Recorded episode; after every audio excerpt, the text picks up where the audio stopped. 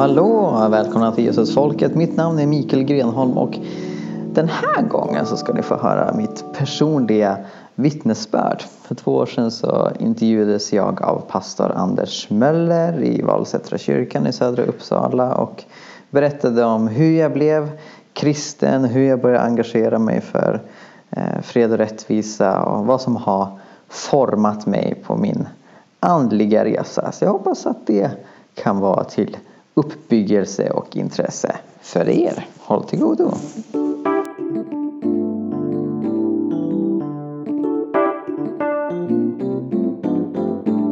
Jag tänkte att vi kunde börja från början. Vem är det egentligen Mikael Grenholm och vem framförallt han var? Ja, eh, jag föddes här i Uppsala. Eh, Bodde i åtta år här och sen så flyttade vi till Karlstad. Och där bodde jag i tio år och kom tillbaka när jag var 18. Båda mina föräldrar är präster i Svenska kyrkan. Båda tror på Gud. Eh, Men jag tyckte det var extremt tråkigt att att gå i kyrkan. Eh, Så. Och eh, det, det var liksom så här eh, något jag verkligen avskydde. Ärligt talat. Eh, och det, liksom det jag växte upp i var så här, eh, om någon frågade mig så sa jag att jag trodde på Gud, men jag liksom visste inte vad det innebar i praktiken alls. Jag visste inte vad Bibeln sa och, och liksom, jag hade ingen koll på saker. Jag stängde av öronen liksom, när jag gick i, i kyrkan. Jag tänkte på Super Mario istället och längtade hem.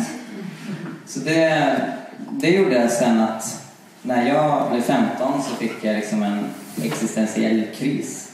Eh, så. Jag tänkte extremt mycket på döden. Eh, och var väldigt, väldigt rädd för döden. För jag var liksom övertygad om att när jag dör så, så försvinner jag. Och det blir inte ens svart för jag har inga ögon att se med. Och det blir inte ens tyst öron att höra med. Och jag liksom gick omkring och tänkte mycket på det där och var väldigt rädd för det var en, en nära släkting som hade precis gått bort. Eh, så. Och, eh, Fick du, kände du att, fick du någon vägledning då? Av, av din kristna tro och dina föräldrar? Ja, alltså pappa tog mig till domkyrkan för 71 gången. och för första gången så lyssnade jag. Och det, det är liksom så här, efteråt så tänkte jag, hur kunde jag gå i kyrkan så många gånger och aldrig lyssna på budskapet? Men det var för att det var dåligt presenterat tror jag. Men för då så lyssnade jag och liksom trosbekännelsen så jag nästan kunde citera utantill. För första gången så lyssnade jag på vad trosbekännelsen säger. Och att den avslutas med orden Vi tror på de dödas uppståndelse och ett evigt liv. Gör vi? Tänkte jag. Det gjorde inte jag. Svart man eh, Så. Men då så började jag läsa Bibeln. Eh, jag började be och jag bara drack när jag läste evangelierna, vad Jesus säger i Johannes evangeliet framförallt, om det eviga livet. Och jag tänkte, det här är de bästa nyheterna som finns. Jag hörde en gång en, en kille som, som sa just så här eh, efter att ha varit med på en mässa så sa han liksom att ni har ju världens bästa budskap. Och ni har världens sämsta presentation av det. Och det ligger någonting i det. Jag delar din erfarenhet där om att jag har mest suttit av. Jag satt på första bänk och läste Fin och Fiffi. Om det är någon som är gammal och kommer ihåg vilka de var. Där pappa predikade. Så jag känner igen det där. Men den här upplevelsen i domkyrkan, vad ledde den till? Alltså, först var jag jätteglad och sen började jag tvivla och tänkte liksom, hur, hur vet jag att det här är sant? Att det inte bara är liksom fina sagor. Eh, så en kväll så liksom böjde jag knä i mitt rum och jag bad i 20 minuter, en halvtimme. Gud, jag vill se dig. Jag vill inte bara liksom höra om dig och läsa om dig, utan jag vill faktiskt möta dig. Eh, och sen någon dag efteråt så var jag i, i skolan och jag var trött på rasten. Så jag liksom eh, sitter vid en bänk och lägger ner huvudet sådär eh, och blundar och då dyker Jesus upp. Och jag tänker wow, var kom han ifrån? Och sen samma kväll när jag lägger mig liksom ner och ska somna och liksom sluter ögonen så, så, så kommer Jesus. Eh, och jag såg liksom hans ansikte, det där klassiska med skägg och långt hår som jag själv strävar efter. Eh, det, det såg jag varje gång jag slöt ögonen och vilade i ett och ett halvt år. Och sen försvann det. Men liksom så här, jag behövde inte tänka på Jesus, jag kunde tänka på potatis eller vad som helst. Men, men han dök upp hela tiden och då slog det mig, jag hade bett Gud jag vill se dig. Eh, så. Och det, det är något man inte vågade be i Gamla Testamentet för att man inser att om vi möter Gud, om vi ser Gud, så dör vi. Men när Jesus går omkring på jorden så är han själv Gud. Och genom Jesus får vi möta Gud. Eh, så det är en sån erfarenhet som jag hade där liksom Gud verkligen bekräftar min tro. Och det var en annan erfarenhet Eh, några år senare. Eh, jag tror det var 2009 2010 till och med. Eh, när jag också hade bett väldigt länge, 20 minuter någonting. Jag hade en lista som jag gick igenom, så människor jag bad för. Och så låg jag i min säng. Och då hade jag alltså börjat med det här med att fokusera på fred och rättvisa och engagera mig i aktivism. Så då så känner jag atmosfären i rummet förändras helt och hållet, det är liksom en helhet i rummet. Eh, och så liksom jag ligger på sängen och tittar upp i taket och då kommer han ner eh, som en ikon, ni vet en sån här träbild i ortodoxa kyrkan. Så kom han så. Men han själv var ingen bild, utan han var levande liksom, i en träram. Eh, brunt hår, bruna ögon, blå klädnad. Och liksom han kommer så här mot mig och fejdar iväg så. Och jag liksom, tanken som snurrar runt är att han är verkligen här. Han är här. Jag måste fråga honom någonting. Så jag frågar honom, är jag inne på rätt väg? Och då, då så hörde jag liksom Guds röst på ett sätt som jag inte hört förr eller senare. Men det var liksom som en röst inuti mig som, som dånade. En djup röst som sa, det vet du. Mm. Ja. För sen så småningom så, så började du läsa teologi. Ja. Och, och det där är ju nu kommer du stjärnpunkter igen. För det var ju något som jag väldigt länge hade bestämt mig för att det skulle jag aldrig någonsin göra. Mm. Snälla tanter som sa, kan inte du bli pastor som pappa Icke. Du kommer inte på fråga. Mm. Men du landade där precis som jag. Men hur, var det ett helt naturligt steg? Eller var det något som du kämpade med också? Eh, alltså jag kom tillbaka till Uppsala 2009 när jag var 18. Gick sista året i gymnasiet. Eh, och ja, jag visste att jag liksom skulle utbilda mig eh, för att bli pastor. Och det var efter ett profetiskt ord. Det var, alltså när jag gick omkring i de tankarna så var det en kille som inte kände mig eh, på frizon faktiskt. Eh, som, som kommer fram och säger så, oh, här har vi pastorsmörjelse. Eh, så så då, då liksom visste jag att that was the way to go. Och jag hade precis joinat en ny församling som heter Mosaik, som jag fortfarande är med i, en liten husförsamling. Så jag hade varit med där någon månad eller sådär och sen skulle jag söka in till det som nu är ALT. Eh, och jag sökte in. Eh, men men eh, samtidigt då ska man ha en mentorsförsamling och jag kände så här eh, jag vill inte riktigt komma in i en församling, vara med där en månad och säga nu ska jag vara med och predika, för det är, liksom, det, är det det innebär. Eh, men min pastor Hans, han tyckte ja men kör på, men jag sa nej det där kan jag inte göra. Så jag tackade nej till det och, och satsade på utvecklingsstudier istället. Eh, bistånd och hur man bekämpar fattigdom utomlands. Eh, men Hans han såg till att jag började predika ändå. Fast jag inte var liksom med i det här mentorprogrammet. Eh, och det har varit liksom väldigt uppbyggligt. Så liksom långt innan jag började plugga teologi så, så har jag predikat och evangeliserat och liksom varit aktiv i församlingen, lett hemgrupper och, och sådana saker. Och det var liksom Hans som, som såg till det, att jag skulle göra det direkt. För liksom, han, han tänker mycket så att det handlar inte bara om att läsa saker utan göra saker. Eh, så det har varit väldigt uppbyggligt. Men hur är det? Läser du teologi eller? Jag måste bara kolla. Mm. Är, alltså, det här är så roligt. Det du beskriver är ju att, att du blir liksom lite nästan instoppade i saker och ting. Så att det, det finns, ibland så pratar man om att gå i förberedda gärningar. Mm. Det finns saker.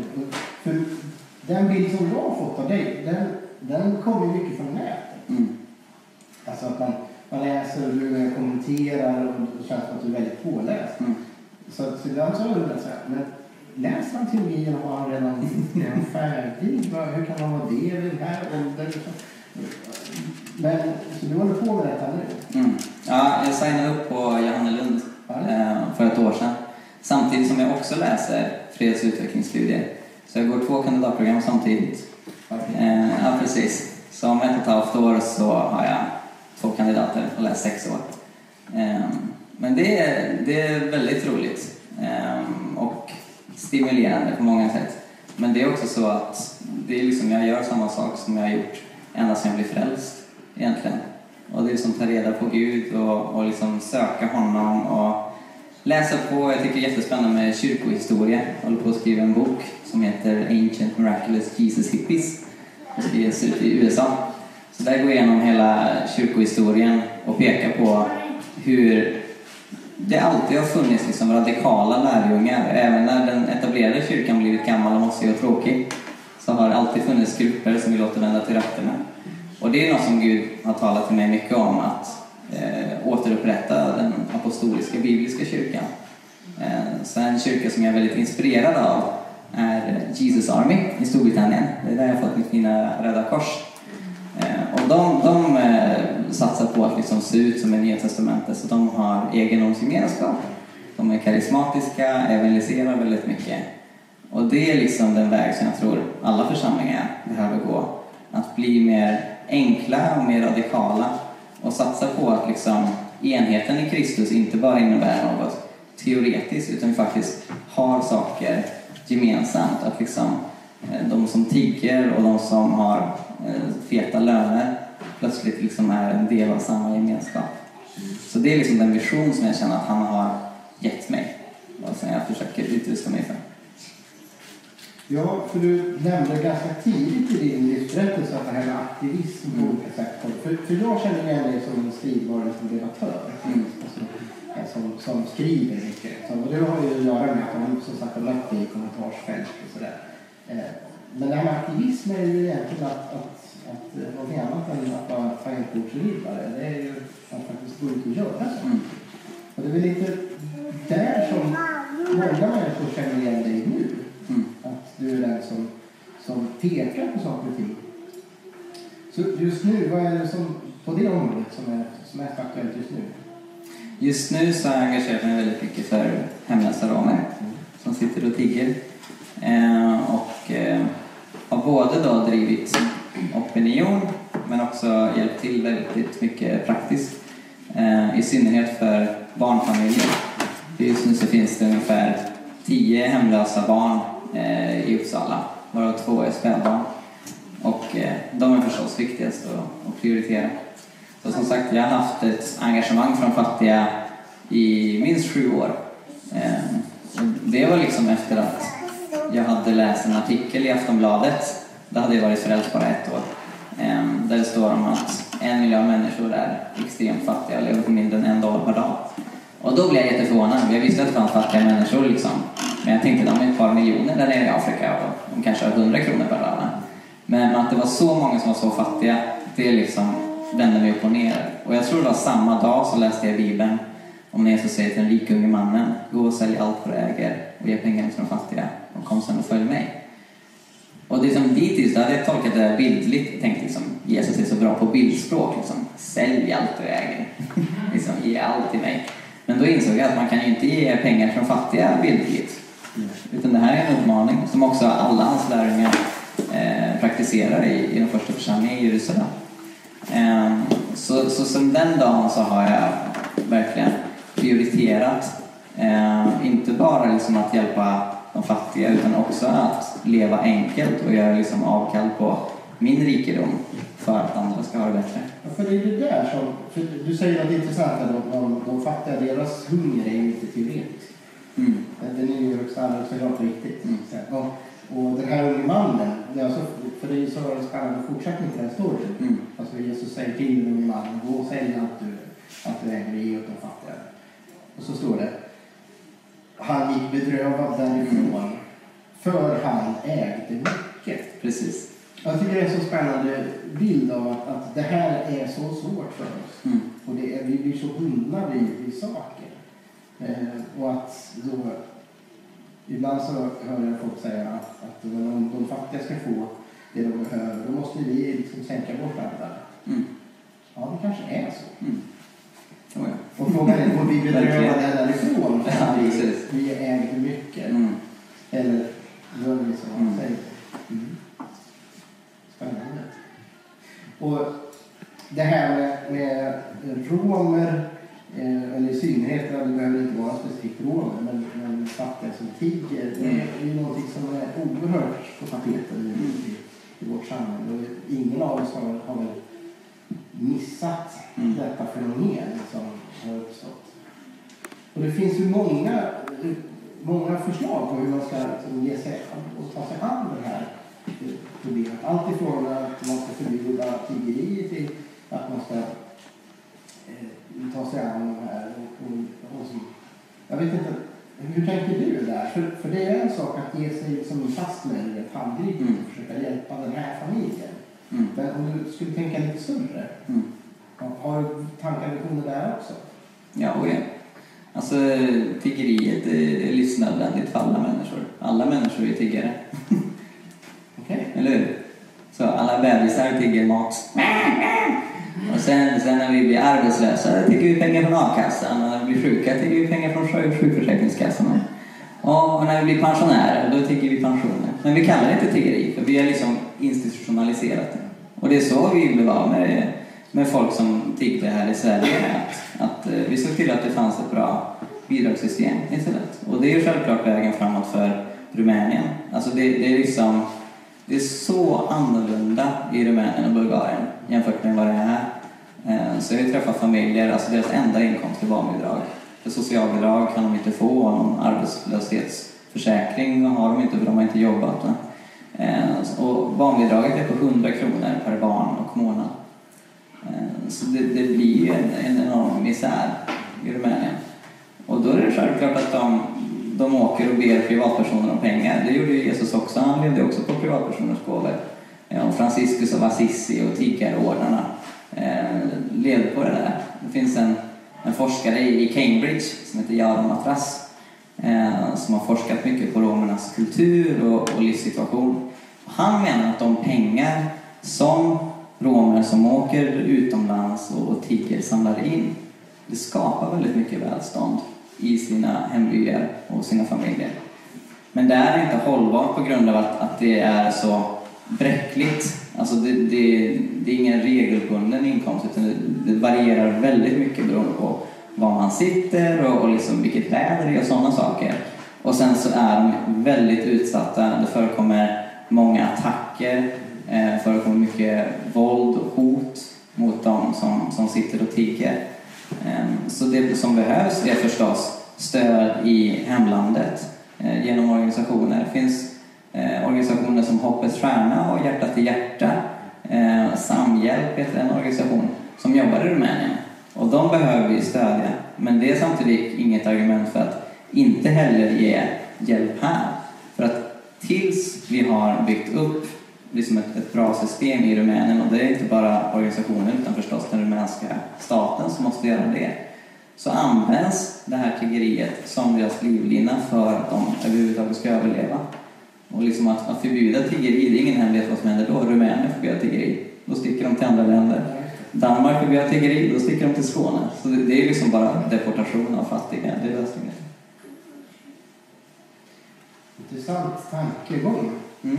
Och jag hoppas att du får alla möjligheter framöver att fortsätta utveckla de här tankarna och, och fortsätta utmana både samhället och oss som kyrkor. För jag misstänker att du tänker att vi har en särskild uppgift här Oh ja, oh ja. som kristna. Att vara med och, och ge av oss själva. Mm. Både handgripligt och, och också liksom, i, själen. Tack Mikael för att vi fick låna din tid. Vi vet att du ska iväg på annat, men, men du är kvar så länge du kan. Jag är kvar så länge jag kan. Och sen så ska du iväg och får ta kampen i TV också. Ja, precis. Men det var fantastiskt roligt att få, få möta dig och inte bara den här media som du håller på att bli, några mediapersonligheten, utan killen bakom. Mm. Niye? Elhamdülillah.